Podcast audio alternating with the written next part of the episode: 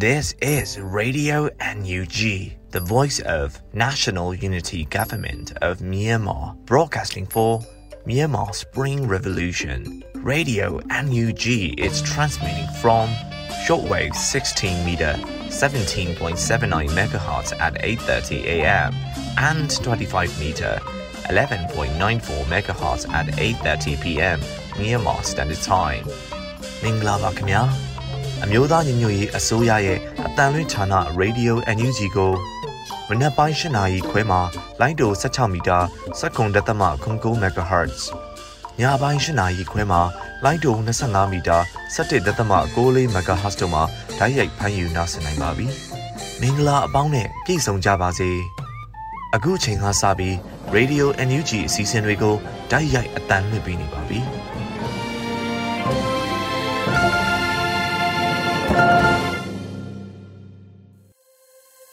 မြန်မာနိုင်ငံသူနိုင်ငံသားအပေါင်းတဘာဝပေးဆရာနာရှင်ပြည်တို့ကနေကင်းဝေးပြီးကိုစိတ်နှစ်ပါးပေးကင်းလုံးကြုံကြပါစေလို့ရေဒီယိုအန်ယူဂျီဖွယ်သားများကဆုတောင်းမြတ်တာပို့သလာရပါတယ်ရှင်။ခုချိန်ကစပြီးကာကွယ်ရေးဝန်ကြီးဌာနရဲ့စစ်ရေးသတင်းချင်းချုပ်ကိုတော့မျိုးဦးလင်ကမှဖတ်ကြားတင်ပြပေးပါရမရှင်။ကာကွယ်ဝင်ကြီးဌာနအမျိုးသားညီညွတ်ရေးဆိုရက28ရက်ဩဂတ်စ်လ2022ခုနှစ်ထုတ်ဝေတဲ့စစ်ရေးသတင်းချင်းချုပ်ကိုတင်ဆက်ပေးတော့မှာဖြစ်ပါတယ်။ စစ်ကောင်စီတပ်သားတေဆုံးမှုရည်အတွက်ကိုစုံစမ်းနေစေဖြစ်ပြီးသုံးထိခိုက်ဒဏ်ရာရရှိခဲ့ကြောင်းသတင်းရရှိပါရခင်ဗျာစစ်ကောင်စီနဲ့တိုက်ပွဲဖြစ်ပွားမှုသတင်းတွေကိုတင်ဆက်ပေးကြပါမယ်စကိုင်းတိုင်းမှာဩဂတ်စ်လ29ရက်နေ့နေ့လယ်2:45မိနစ်အချိန်ခန့်က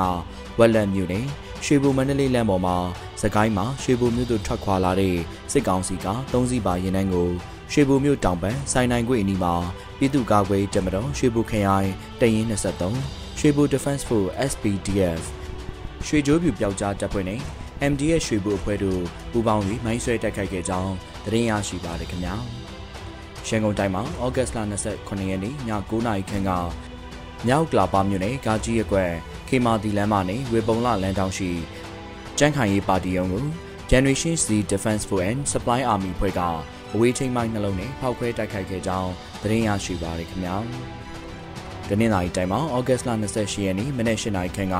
ကော့တောင်မြို့နယ်48မိုင်တိုင်နီမှာကော့တောင်မြို့မှာပုတ်ပြင်းဘက်သို့ဦးတည်သွားနေတဲ့စစ်ကောင်စီရင်နှန်းကိုဒေသကာကွယ်ဖွဲ့ကမိုင်းဆွဲတိုက်ခိုက်ခဲ့ရာအ ਨੇ စုံစစ်ကောင်စီတပ်သား3ဦးထိခိုက်ခဲ့ကြောင်းသတင်းရရှိပါရခင်ဗျာဆက်လက်ပြီးစစ်ကောင်စီကကျူးလွန်တဲ့ရာဇဝတ်မှုတွေကိုတင်ဆက်ပေးကြပါမယ်။စကိုင်းတိုင်းမှာဩဂတ်စ်လ28ရက်နေ့ကကောလီမြို့နယ်ညောင်ပင်လှကျွာသူ MI35 MI17 စုစုပေါင်း၄စီးနဲ့လာရောက်ပစ်ခတ်တိုက်ခိုက်ခဲ့ကြောင်းသတင်းရရှိပါရခင်ဗျာ။ဩဂတ်စ်လ28ရက်နေ့မနက်10:30မိနစ်အချိန်ခန့်ကတမူးမြို့နယ်မှာအသက်12နှစ်အရွယ်မိန်းကလေးတဦးနန်းဖာလုံကျွာသို့သွားစဉ်ပြည်သူအငှားအိမ်ယာနာမှာအမျိုးသား6ဦးနဲ့အမျိုးသမီး2ဦးပါတယ်။ပြူစောတိအဖွဲ့မှရွှေနဂတ်ကိုတပြားတိုက်လူယူသွားခဲ့ကြောင်းသတင်းရရှိပါရခင်ဗျာ။မကွေးတိုင်းမှာဩဂတ်စ်လ28ရက်နေ့မနက်ပိုင်းကမြိုင်မြို့နယ်မြောက်ပိုင်း ဝဲတောင်မြောက်ရွာသို့စစ်ကောင်စီနှင့်ပြူစောတိပူပေါင်းစစ်ကြောင်းအင်အား180ခန့်ဩဂတ်စ်လ26ရက်နေ့နေ့လယ်တနာရီခန့်ကဝဲတောင်တောင်ရွာသို့အကြမ်းဖက်ခဲ့တဲ့စစ်ကြောင်းကရွာအတွင်းသို့ဝင်ရောက်ခဲ့ပြီးပြည်သူပိုင်နေများအားအကြမ်းဖက်မိရှုဖျက်ဆီးခဲ့ရာပြည်သူပိုင်နေ35လုံးမိလောင်ပြကြဆုံးရှုံးခဲ့ရကြောင်းသတင်းရရှိပါရခင်ဗျာ မန္တလေးတိုင်းမှာဩဂတ်စ်လ29ရက်နေ့ကမဟာအောင်မြင်မြို့နယ်မန္တလေးတက္ကသိုလ်အားစစ်ကောင်စီအင်အား100နီးပါးနဲ့စီးနင်းပိတ်ဆို့ခဲ့ပြီးမန္တလေးတက္ကသိုလ်ဝင်းတွင်မှာနေထိုင်တဲ့စီဒီအန်ပေါမောက်ခနဲ့တက္ကသိုလ်ဝန်ထမ်းများအခြေခံပညာအစဉ်ဆရာဆရာမများပါဝင်ပညာရေးဝန်ထမ်း30နီးပါးဖမ်းခံခဲ့ရပြီး CDN ဝန်ထမ်းများမတွေ့လျင်မိသားစုများကိုဖမ်းဆီးသွားခဲ့ကြောင်းသတင်းရရှိပါရခင်ဗျာ။ ရန်ကုန်တိုင်းမှာဩဂတ်စ်လ29ရက်နေ့ည9:00နာရီခန့်ကလှိုင်သာယာမြို့နယ်23ရပ်ကွက်ခရီး9လမ်းနဲ့6လမ်းကြားရှိလမ်းတွေတစ်ခုကိုစစ်ကောင်စီက3စီးနဲ့ဝင်ရောက်ခဲ့ပြီးလူငယ်3ဦးကိုဖမ်းဆီးခဲ့ရာ2ဦးဖမ်းမိခဲ့ကြောင်းသတင်းရရှိပါရခင်ဗျာယခုတင်ဆက်သွားတဲ့သတင်းတွေကိုမြေပြင်သတင်းတာဝန်ခံများနဲ့သတင်းဌာနတွေမှာဖော်ပြလာတဲ့အချက်လက်တွေပေါ်အခြေခံပြုစုထားခြင်းဖြစ်ပါတယ်ကျွန်တော်ကတော့ຫນွေဦးလင်ပါ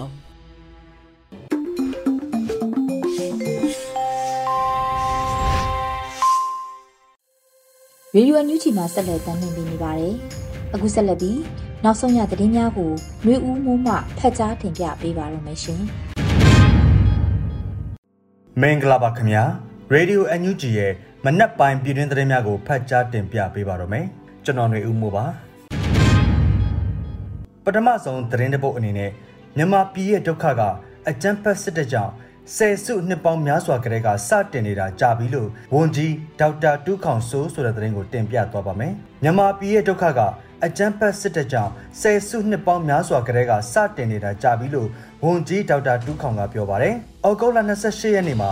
ဝန်ကြီးဒေါက်တာတူးခေါင်ကလူမှုကွန်ရက်မှာရေးသားထားပါတယ်။ဒီစစ်အုပ်စုကိုတော်လှန်နေတဲ့အင်အားစုတွေကြားမှာຫນွေဦးတော်လှန်ရေးမှတော်လှန်ရေးတဲ့စဝင်လာပြီး ဒုက္ခခံနေရသူများနဲ့အရင်ကတည်းကတော်လှန်ရေးထဲမှာရှိနေသူများကြားစိတ်ခံစားချက်တွေကွဲပြားနေပါလိမ့်မယ်။ကျွန်တော်မြင်တဲ့မြန်မာပြည်ရဲ့ဒုက္ခက2021ကစတာမဟုတ်ပါဘူးကြာပြီထိုင်းနယ်စပ်မှာကရင်ရှမ်းစစ်ပြေးဒုက္ခသည်စခန်းတွေရှိနေတာအနှစ်30ရှိပြီလိုင်ဇာနဲ့မိုင်ဂျာရန်ဆိုတဲ့မြို့တွေဟာလွန်ခဲ့တဲ့နှစ်ပေါင်း30ကျော်ကစစ်ပြေးဒုက္ခသည်တွေလာစုနေတဲ့ရွာတွေဖြစ်တယ်ဘင်္ဂလားဒေ့ရှ်မှာ ရိုဟင်ဂျာဒုက္ခသည်စခန်းတွေရှိတာလဲကြာပြီခင်ဗျားတို့ကနိုင်ငံတော်ကိုအကြောင်းမဲ့ပုံကန်တာကိုဒုက္ခရောက်မှာပေါ့ဆိုပြီးအပြောခံခဲ့ရတာလဲခဏခဏပါပဲလို့ဝန်ကြီးကဆိုပါတယ်လက်ရှိမှာစစ်ကောင်စီတပ်များဟာတိုင်းရင်းသားနယ်မြေများကိုလေကြောင်းကနေအကြိမ်ကြိမ်ပစ်ခတ်လို့စစ်ပေးရှောင်ဥယေတိန်းနဲ့ချီရှိနေပါတယ်ဆက်လက်ပြီးအာနာသိမ့်ရန်ကြိုးပမ်းနေတဲ့စစ်အာဏာရှင်တွေဟာအာဏာတည်မြဲရေးအတွက်တန်ဖိုးရှိတဲ့လူအသက်တွေကို နေမျိုးစုံနဲ့တပ်ဖြတ်နေတယ်လို့လူအခွင့်ရေးရာဝန်ကြီးပြောကြားဆိုတဲ့သတင်းကိုတင်ပြသွားပါမယ်။အာနာသိမ့်ရန်ကြိုးပမ်းနေတဲ့စစ်အာဏာရှင်တွေဟာအာဏာတည်မြဲရေးအတွက်တန်ဖိုးရှိတဲ့လူအသက်တွေကိုနေမျိုးစုံနဲ့တပ်ဖြတ်နေတယ်လို့လူအခွင့်ရေးရာဝန်ကြီးဦးအောင်မျိုးမင်းကပြောပါတယ်။အောက်တိုဘာ28ရက်မှာလူအခွင့်ရေးရာဝန်ကြီး ဦးအောင်မျိုးမင်းကပြောကြားခဲ့တာပါနိုင်ငံတိုင်းမှာရှိတဲ့အစိုးရတွေဟာနိုင်ငံသားတွေရဲ့အသက်ရှင်သန်နိုင်မှုနဲ့လုံခြုံမှုကိုခံစားရရှိနိုင်ဖို့နည်းလမ်းမျိုးစုံကိုသုံးပြီးအာမခံကာကွယ်မှုတွေပေးနေပေမဲ့မြန်မာနိုင်ငံရဲ့လက်ရှိကာလမှာကြုံတွေ့ခံစားနေရတဲ့အာဏာသိမ်းရန်ကြိုးပမ်းနေတဲ့စစ်အာဏာရှင်တွေဟာအာဏာတည်မြဲရေးအတွက်တန်ဖိုးရှိတဲ့လူအသက်တွေကိုနှီးမျိုးစုံနဲ့တပ်ဖြတ်ပြီးရာဇဝတ်မှုတွေ ဇက်တိုက်ကျွလွန်လျက်ရှိပါတယ်လို့ဆိုပါတယ်2021ခုနှစ်ဖေဖော်ဝါရီလ1ရက်နေ့စစ်အာဏာသိမ်းပြီးနောက်ပိုင်းအကြမ်းဖက်စစ်တပ်ဟာလူပေါင်း1000ကျော်ကိုဖမ်းဆီးထုတ်နှောင်ခဲ့ပြီးတော့လူပေါင်း2000ကျော်ကိုတပ်ဖြတ်ခဲ့ပါတယ်ဒီလိုအာဏာယူတွေရဲ့လူအသက်ပေါင်းများစွာကိုဥပဒေမဲ့တပ်ဖြတ်နေမှုများကိုတပ်သေးများစွာဖြင့်ရရှိထားပြီးအဲ့ဒီတပ်သေးတွေနဲ့တကွနောက်တစ်ချိန်မှာနိုင်ငံတကာဥပဒေပေါင်းအတွင်းကအပြစ်ပေးအရေးယူနိုင်ဖို့ရောမျက်မှောက်ကာလမှာလည်း နိုင်ငံတကာရဲ့ဖိအားတွေအကြမ်းဖက်စစ်ကောင်စီအပေါ်ပုံမတက်ရောက်နိုင်ဖို့စ조사နေကြပါတယ်လို့လူအခွင့်ရေးဝန်ကြီးကထပ်လောင်းပြောပါတယ်အပြည်ပြည်ဆိုင်ရာလူအခွင့်ရေးကြေညာစာတမ်းအပိုက်၃ပါပြဋ္ဌာန်းချက်လူတိုင်းအသက်ရှင်ခွင့်လုံခြုံခွင့်နဲ့လွတ်လပ်ခွင့်ရှိသည်ဆိုတဲ့ပြဋ္ဌာန်းချက်အရအသက်ရှင်နေထိုင်ခွင့်ဟာအခြေခံအကျဆုံးလူအခွင့်အရေးတရဖြစ်ပါတယ်ခင်ဗျာဆက်လက်ပြီးစံရီ project မှာကန်ဆယ်မဲလက်မှတ် ဆယ်ဆောင်ဝယ်ယူသူတိုင်းကိုကိုထိန်လင်းကကျေးဇူးတင်ကြောင်း post ကတ်လေးတွေပြုလုပ်ပြီး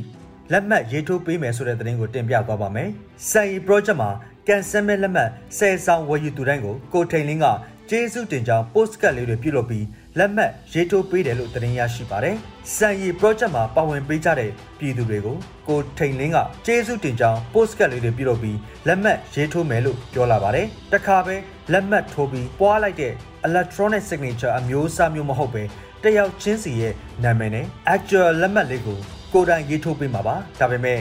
လက်မှတ်တစ်စောင်ချင်းစီကိုကိုထိန်လင်းရဲ့လက်မှတ်ရေးထိုးပေးဖို့ဆိုရင်ထောင်ချီတောင်းချီထိုးရမှာမို့လက်မှတ်၁၀ဆောင်ဝယ်ယူသူကို thank you letter လေး sign ထိုးပြီးပို့ပေးမယ်လို့စီစဉ်လိုက်ကြပါတယ်လို့ရေဆန် project ကန်ဆယ်မဲ့ရောင်းချသူတို့ကဆိုပါတယ်လူတယောက်တည်းကဝယ်ယူတဲ့လက်မှတ်၁၀ဆောင်ဖြစ်မယ်ဆိုရင်ကိုထိန်လင်းရဲ့မူရင်း signature ပါဝင်တဲ့ postcard လေးကိုရရှိမှာဖြစ်ပါတယ်လုံခြုံရေးအရာလက်တလုံးမှာ actual card မရနိုင်သေးသူများအတွက် electronic card လေးတွေအရင်ဆုံးပို့ပေးသွားမှာဖြစ်ပြီး တော်လန်ရေးအောင်မြင်ပြီးတဲ့အခါအကျွယ်ကက်လေးတွေပို့ဆောင်ပေးမှာဖြစ်ပါတယ်လက်တလုံးမှာဒေါ်အောင်ဆန်းစုကြည်ရဲ့တားငယ်ကိုထိန်လင်းရဲ့တစ်ထွင်းပကြီးစံရီ project ကန်ဆယ်မဲလက်မှတ်များ82နာရီအတွင်း American Dollar 9သိန်း3000 8400ဘို့ရောင်းချထားရပါတယ်ခင်ဗျာဆက်လက်ပြီး Spring Yangon Investment ၏တော်လန်ရေးရန်ပုံငွေအိမ်ယာစီမံကိန်းများ စက်တင်ဘာ၁ရက်နေ့စတင်ရောင်းချမယ်ဆိုတဲ့သတင်းကိုတင်ပြသွားပါမယ်။ Spring ရန်ကုန် Investment ၏တော်လန်ရေးရန်ပုံငွေအိမ်ယာစီမံကိန်းများစက်တင်ဘာ၁ရက်နေ့စတင်ရောင်းချမယ်လို့သတင်းရရှိပါတယ်။အော်ဂုတ်လ28ရက်နေ့မှာ end of leadership ကအသိပေးဖော်ပြပါတယ်။ຫນွေဦးရိတ်မွန် at မင်းတမနဲ့ຫນွေဦးမော်ကွန်သက် at တန်တုမတို့ကို2022ခုနှစ်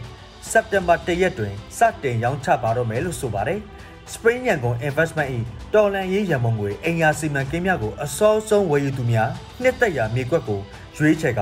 တော်လန်ရေးကာလ40ရာခိုင်နှုန်းသာပေးသွင်း၍အရေးကြပေးချေဝယ်ယူနိုင်မှာဖြစ်ပါတယ်။မြေပိုင်ဆိုင်ခွင့်ရမှာဖြစ်ပြီးကာလပေါက်စိ၏သုံးပုံတပုံခန့်တန်မိုးဖြစ်တာရောင်းချပေးမှာဖြစ်ပါတယ်။ထို့အပြင်ငွေပေးချေမှုများကိုလည်းတော်လန်ရေးကာလအတွင်းနဲ့တော်လန်ရေးကာလအပေးဟုပိုင်းခြားပေးသွင်းရမှာဖြစ်ပါတယ်လို့ဆိုပါတယ်။ຫນွေဦးမော်ကွန်းတဲ့မြေကွက် ပေ40ပေ60အားဥပမာဈေးနှုန်း USD 9600ကျတင်တော်လေအမှန်တကယ်ရောင်းချပေးမယ်ဈေးနှုန်းက USD 3200သာကျတင်မှာဖြစ်ကတော်လန်ရေးကာလ40ရာခိုင်နှုန်းသာပေးချေ၍3လပေးသွင်းရမှာဖြစ်ပါတယ်။ကြက်တံမိုးငွေ60ရာခိုင်နှုန်းကိုတော်လန်ရေးကာလအပြီးစီမံကိန်းစတင်သောအခါမှသာပေးသွင်းရမယ်လို့ EOD ကဆိုပါတယ်ခင်ဗျာ ဆက်လက်ပြီးမမများနဲ့ပွဲကမယ်ချင်းမကွေးတတိယ project စတင်ဆိုတဲ့သတင်းကိုတင်ပြသွားပါမယ်မမများနဲ့ပွဲကမယ်ချင်းမကွေးတတိယ project စတင်နေပြီဖြစ်ကြောင်းသတင်းရရှိပါတယ်ဩဂုတ်လ28ရက်မှာတရုတ်ဆောင်မင်းမော်ကွန်ကလူမှုကွန်ရက်မှာဖော်ပြထားပါတယ်စစ်ရေးဖြူဟာအရာချင်းနဲ့မကွေးသည်ပေါင်းမှဖြစ်မှာမလို့ချင်းမကွေး project ဖြစ်တည်လာပါတယ် project အတွက်ယာထားချက်ကတိမ်ပေါင်း1000ခွဲဖြစ်ပြီး ရသမျှသည်ချင်း35ရာခိုင်နှုန်းနဲ့မကွေး65ရာခိုင်နှုန်းပို့ဆောင်သွားမှာဖြစ်ပါတယ် project သတ်မှတ်ကာလကတော့ရက်ပေါင်း30တိတိဖြစ်ပါတယ်မမရဲ့ချင်းမကွေး project ဟာအောက်တိုဘာ29ရက်နေ့ကစစက်တင်ဘာ29ရက်နေ့အထိရက်ပေါင်း30ရက်အတွင်းမှာတိမ်ပေါင်း1000ခွဲဆိုတဲ့ပမာဏကိုပြည်သူနဲ့အတူရှာဖွေသွားမှာပဲဖြစ်ပါတယ်မမများနဲ့ပွဲကမယ်ချင်းမကွေး project ကရရှိလာတဲ့အလူငွေတွေကို NUG ရဲ့ ကာကွယ်ရေးဝန်ကြီးဌာန MOD ကတဆင့်ပေးဖို့ကူညီသွားမှာဖြစ်ပါတယ်ခင်ဗျာဆက်လက်ပြီး CDM ဆီယာမတအူးမှနဂတ်တရန်ကိုတောင်အုပ်ကလာပမြို့နယ်ကျောင်းသားများသမဂဘကတများအဖွဲ့ချုပ်ထံလှူဒန်းပေးလာ၍ကန်ဆယ်မဲလက်မဲ့ရောင်းချကတော်လန်ရေးရဲဘော်များနဲ့စစ်ပေးရှောင်တွေကိုကူညီမဲဆိုတဲ့သတင်းကိုတင်ပြသွားပါမယ်။ CDM ဆီယာမတအူးမှနဂတ်တရန်ကိုတောင်အုပ်ကလာပမြို့နယ်ကျောင်းသားများသမဂဘကတများအဖွဲ့ချုပ်ထံလှူဒန်းပေးလာ၍ ကန်ဆယ်မဲလက်မဲ့ရောင်းချကတော်လန်ရေးရဲဘော်များနဲ့စစ်ပေးရှောင်တွေကိုကူညီမယ်လို့တင်ရရှိပါတယ်။ဩဂုတ်လ28ရက်နေ့မှာတောင်အုပ်ကလာပမြို့နယ်ကျောင်းသားများသမဂဘကတများအဖွဲ့ချုပ်ကအသိပေးဖော်ပြပါတယ်။ဒေတာတစ်ခုက CDM ဆီယာမတအူးမှနဂတ်တရန်ကိုကျွန်တော်တို့တောင်အုပ်ကလာပမြို့နယ်ကျောင်းသားများသမဂဘကတများအဖွဲ့ချုပ်ထံလှူဒန်းပေးလာပါတယ်ခင်ဗျာ။နဂတ်ရဲ့တံမိုးကိုကျွန်တော်တိတိကျကျမသိပေမဲ့ ဆရာမရဲ့စွန့်လွတ်စွန့်စားအနစ်နာခံစိတ်ကတော့တန်ဖိုးမဖြတ်နိုင်ပါဘူးလို့ဆိုပါတယ်အဆိုပါနကတ်အားမြို့နယ်ထက်ကចောင်းသားတက်မကတွေစုပေါင်းပြီးစက်တင်ဘာ3ရက်နေ့မှစတင်ကတစ်ကတ်မဲများစတင်ရောင်းချပေးသွားမှာဖြစ်ပါတယ်မဲရောင်းချရခြင်းရဲ့ရည်ရွယ်ချက်ကတော့တော်တွင်းရဲဘော်တွေမြို့ပြပျောက်ကြားရဲဘော်တွေစစ်ပေးရှောင်ဒေတာတွေကိုကိုညီထောက်ပံ့ဖို့ဖြစ်တယ်လို့ဆိုပါတယ်ခင်ဗျာဆက်လက်ပြီး YPDF ရောဒေတာပြည်သူ့ကာကွယ်ရေးတပ်ဖွဲ့အတွက် NUG ကာကွယ်ရေးဝန်ကြီးဌာနကကျပ်သိန်း200ကျော်လက်နက်ခဲယံထုတ်လုပ်ရေးအသုံးစရိတ်အတွက်ထောက်ပံ့ဆိုတဲ့သတင်းကိုတင်ပြသွားပါမယ်။ YPDF ရောဒေတာပြည်သူ့ကာကွယ်ရေးတပ်ဖွဲ့အတွက် NUG ကာကွယ်ရေးဝန်ကြီးဌာနကလက်နက်ခဲယံထုတ်လုပ်ရေးအသုံးစရိတ်အတွက်ကျပ်သိန်း200ကျော်ထောက်ပံ့ခဲ့ပါတယ်။အော်ဂိုလာ28ရက်နေ့မှာ YPDF ကထောက်ပံ့ငွေသတင်းကိုအသိပေးဖော်ပြခဲ့ပါတယ်။ထုတ်လုပ်ရေးဌာနအတွက်ရန်ပုံငွေကူညီထောက်ပံ့ပေးပါတော့အမျိုးသားညီညွတ်ရေးအစိုးရ NUG အား ကျေးဇူးအထူးတင်ရှိပါတယ်ခင်ဗျလို့ဆိုပါတယ်အမျိုးသားညီညွတ်ရေးအစိုးရဟာလက်ရှိမှာကာကွယ်ရေးအသုံးစရိတ်ကို65ရာခိုင်နှုန်းအထိအသုံးပြုလျက်ရှိပြီးတော့အမိတ်ပေးကုတ်ကဲစနစ်နဲ့လက်နက်တပ်ဆင်ရေးကိုအဓိကအသားပေးလှုပ်ဆောင်လျက်ရှိပါတယ်ခင်ဗျာ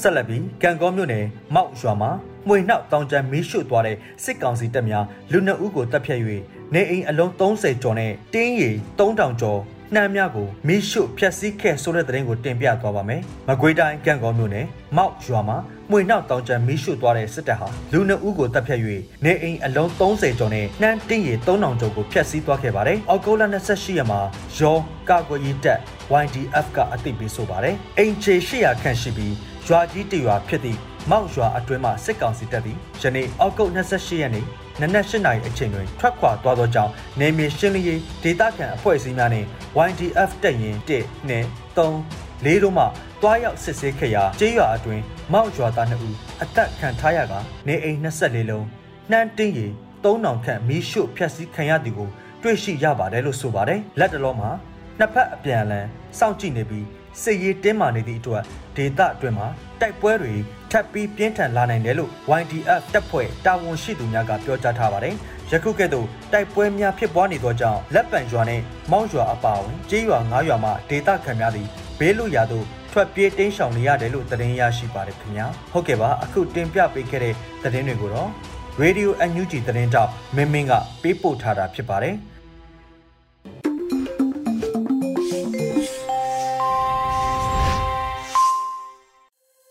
ဗီဒီယိုညူချီပရိသတ်တွေအတွက်ကူးဆက်လက်ပြီးထုတ်လွှင့်ပေးမှာကတော့စိတ်ကျမ်းမာရေးနည်းပြ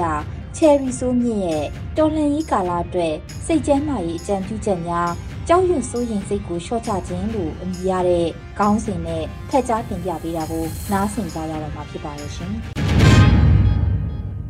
အားလုံးပဲမင်္ဂလာပါချယ်ရီဆိုးမြင့်မှာစိတ်ကျမ်းမာရေးတင်နန်းနည်းပြတယောက်ပါ။ကျွန်မအခုဆက်ပြီးတော့ဝေမျှပေးချင်တာကတော့ ဒီလိုမျိုးနိုင်ငံရေးမတည်မငြိမ်ဖြစ်နေတဲ့ကာလတွေကြောက်ရွံ့ထိတ်လန့်စရာကောင်းတဲ့ကာလတွေမှာကိုယ့်ရဲ့ကြောက်ရွံ့စိုးရိမ်စိတ်ကိုဘယ်လိုမျိုးတက်နိုင်ဆုံး short ချလို့ရမလဲဆိုတဲ့အကြောင်းကိုပြောပြပေးသွားချင်တာဖြစ်ပါတယ်။ဆိုတော့ကျမတို့အားလုံးမှာနေ့စဉ်နဲ့အမျှပေါ့နော်စိတ်ပိုင်းဆိုင်ရာမှာကြောက်ရွံ့နေရတာတွေစိုးရိမ်နေရတာတွေ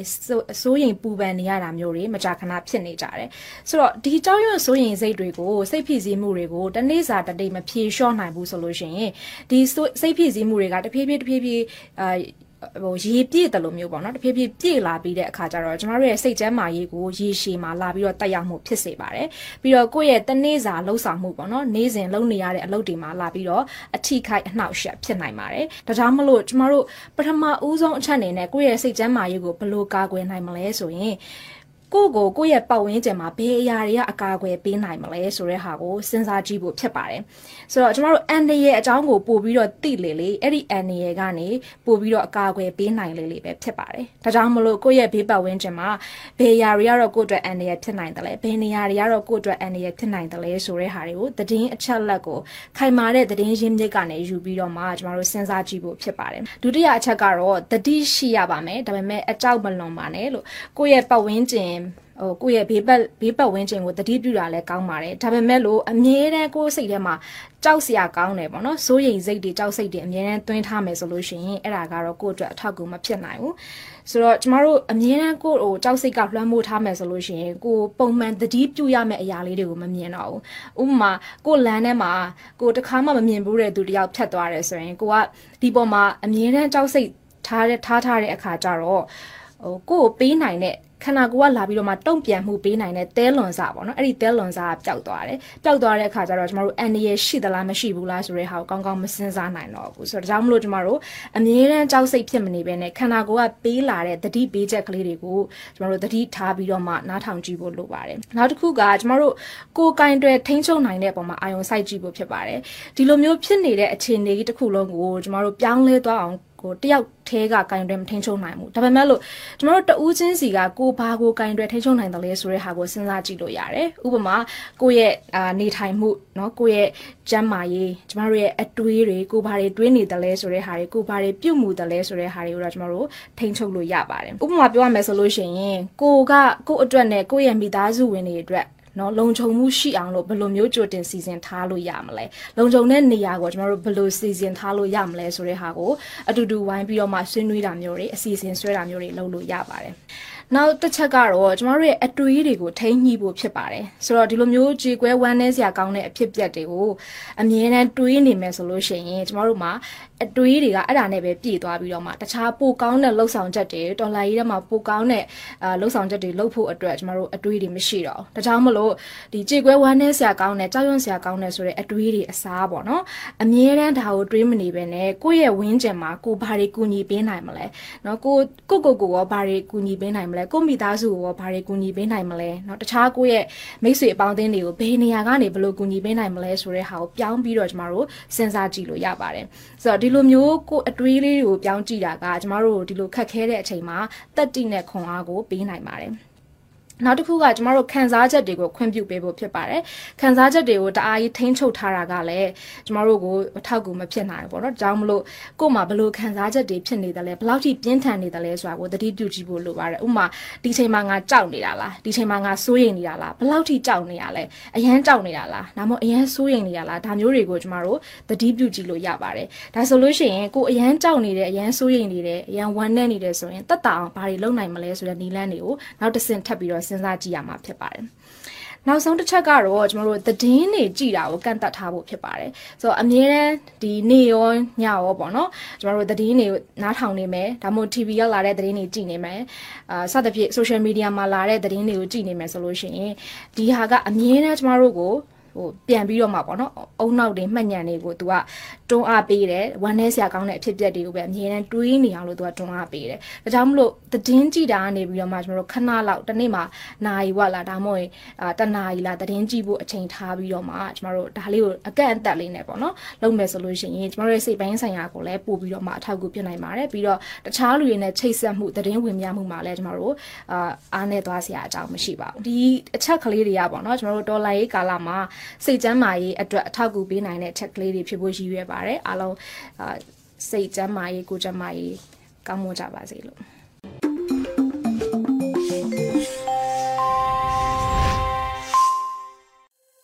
ရေဒီယိုအန်ယူဂျီမှာဆက်လက်တင်ပြနေပါတယ်။အခုတကပြည်သူခုခံစစ်တရင်များကိုထက်ထက်အင်ဒရာအောင်မှဖတ်ကြားတင်ပြပေးပါမယ်ရှင်။ ပထမဦးစွာကရင်ပြည်နယ်မှာအယက်သားဟန်ဆောင်ကလာရောက်ထောက်လှမ်းတဲ့ခလာရတစ်ကစစ်သားတအုပ်ကိုကရင်နီပူပေါင်းတပ်ဖွဲ့ကဖမ်းမိတဲ့တဲ့ရင်ကိုတင်ဆက်ပေးပါမယ်။ကရင်နီမျိုးသားများကာကွယ်ရေးတပ်ရိုက်ကော်ဇွန် KNDF တပ်ရင်းနှင့်လှုပ်ရှားနေမြေအတွင်းကိုအရသာပြည်သူဟန်ဆောင်ကလာရောက်ထောက်လှမ်းတဲ့အကြမ်းဖက်စစ်တပ်ရဲ့တပ်မ66လောက်ခန့်ခလိုက်ရတစ်ကတပ်သားတအုပ်ကို ကရင်နီပူပေါင်းတပ်ဖွဲ့ကဖမ်းဆီးရမိကြောင်းသတင်းရရှိပါတယ်။ဆိုပါတပ်သားကိုစစ်ဆေးရမှာပြစ်မှုထင်ရှားတဲ့အတွက်ကရင်နီပြည်ရဲတပ်ဖွဲ့ KSP ထံလွှဲပြောင်းပေးလိုက်ကြောင်း KNDF တပ်ရင်းနှစ်ကသတင်းထုတ်ပြန်လိုက်ပါတယ်။ဆက်လက်ပြီးတော့ရန်ကုန်မြို့နယ်တချို့ရဲ့စက္ကစထောက်တိုင်းနေရာများဘုံပေါက်ကွဲမှုသတင်းကိုတင်ဆက်ပေးပါမယ်။ရန်ကုန်တိုင်းဒလားမြို့နယ်ရဲစခန်းနဲ့မြို့နယ်တရားရုံးရှိမှာ ဒီကနေ့မနက်9:00နာရီအချိန်မှာပုံများပောက်ကွဲခဲ့ကြောင်းဒေသခံတွေကဆိုပါတယ်။အလားတူပဲမြောက်တကုံအရှိတကုံမြို့နယ်တနေရာမှာလည်းဒီကနေ့မနက်2နာရီဝန်းကျင်အချိန်မှာဘုံပေါက်ကွဲတန်ကြားကြောင်းဒေသခံတအုပ်ရဲ့အဆိုအရသိရပါတယ်။ဒါအပြင်မယန်းကုန်းမြို့နယ်နှစ်ရက်ကွက်ဥပဟန်လမ်းမှာရှိတဲ့မီးပွိုင်အနီးမှာမပေါက်ကွဲသေးတဲ့ဘုံနှလုံးတွေ့ရှိတဲ့အတွက်ဒီကနေ့မနက်10:58မိနစ်အချိန်မှာစစ်တပ်ကလမ်းပိတ်ဆို့ကဖောက်ခွဲလိုက်ကြောင်းသိရပါတယ်။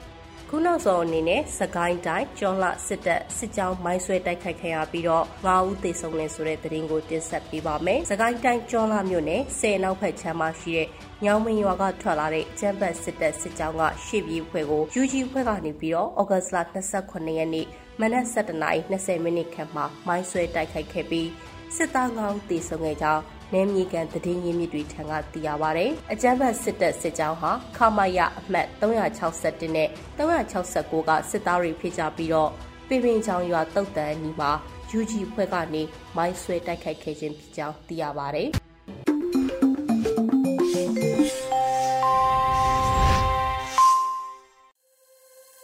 ဗီဒီယိုအန်ယူဂျီရဲ့မနက်ခင်းစီစဉ်လေးကိုဆက်လက်တင်ပြနေပါတယ်။ဒီနေ့ရဲ့တော်လန်ရေးတိဂီတာအစီအစဉ်မှာတော့ ဒေါင်းလူလင် PDF လို့အမည်ရတဲ့ဒေါ်လန်ရေးတိဂီတာကိုတေးရေးတေးဆိုပကြီးကိုတူကတင်ဆက်ပေးထားပါတယ်ရှင်။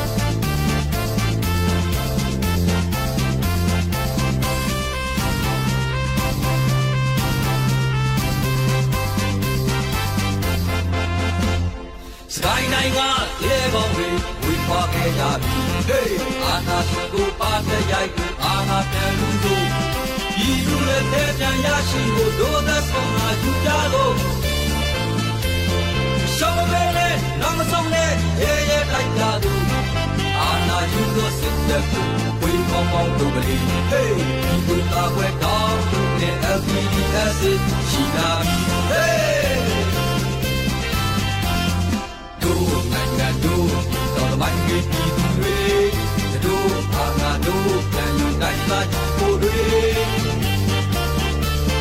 ပါမတိအာနာတိစစ်ဝဲမောင်းဖို့ချီလာပြီ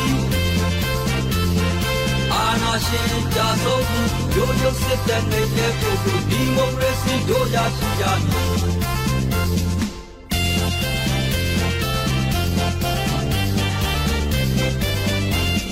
ဆိုင်ကားတို့အဲတွေ ဒီမတော်တော့ဆိုပြီးဟေးအောင်လန်ကတိုက်စစ်ကိုအာလာနီပေါင်းလို့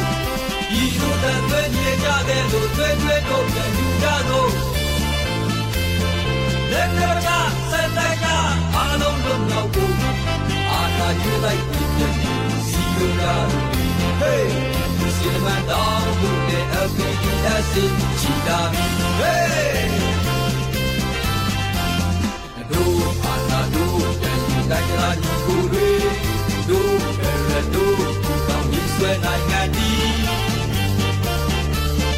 ပါမတိအာနာဒီစပေါင်းတိုင်းတုံတော်လမ်းပြီ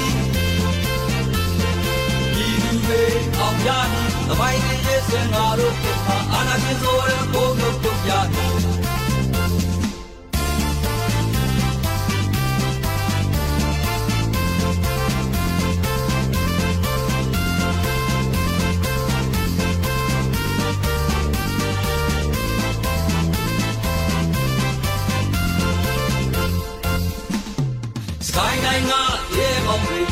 ပါခဲ့ကြပြီဟေးအာနာရှင်ကိုပါတဲ့ရိုက်ကိုအာနာပြန်ယူဖို့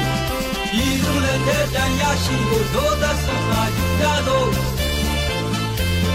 ရှုံးမင်းနဲ့နောက်ဆုံးနဲ့ရေရေတိုက်ကြလို့အာနာယူလို့စစ်တဲ့ကိုဝေမောင်မောင်တို့ကလေးဟေးဒီလူတာဝဲတောင်းလို့တဲ့ LPDS ချီလာပြီဟေး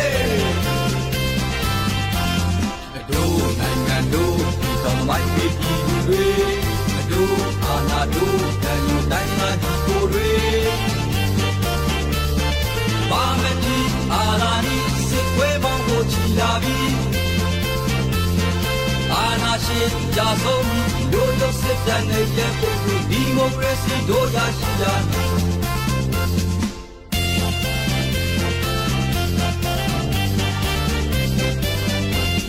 စကိုင်းသားတို့ရဲတွေဒီ မတော်တောင်းဆိုပြီးဟေးအောင်တဲ့သူကတိုက်စစ်ခွင့်သူအာသာဒီပေါင်းဖို့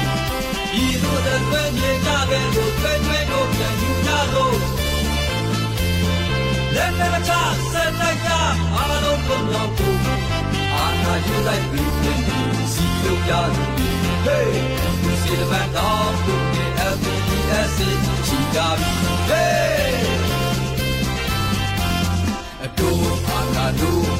တိုင်းရင်းသူတွေတို့ရဲတို့ဒီကောင်းရေးဆွဲနိုင်ငံဒီပါမတိအာနာနီစုပေါင်းတိုင်းကုန်တော်နိုင်ပြီဒီသူတွေအောင်ရသမိုင်းရဲ့ဆွဲငါတို့ခင်မှာအာနာရှင်ဆိုရမကိုတို့တို့ကြတ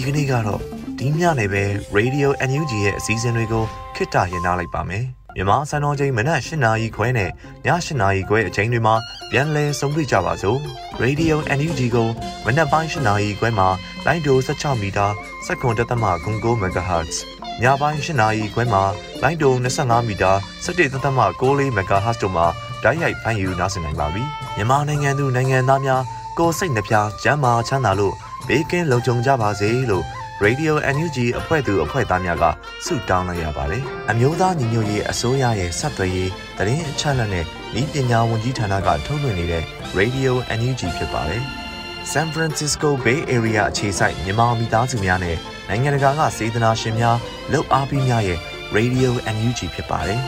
။အရေးတော်ပုံအောင်ရမည်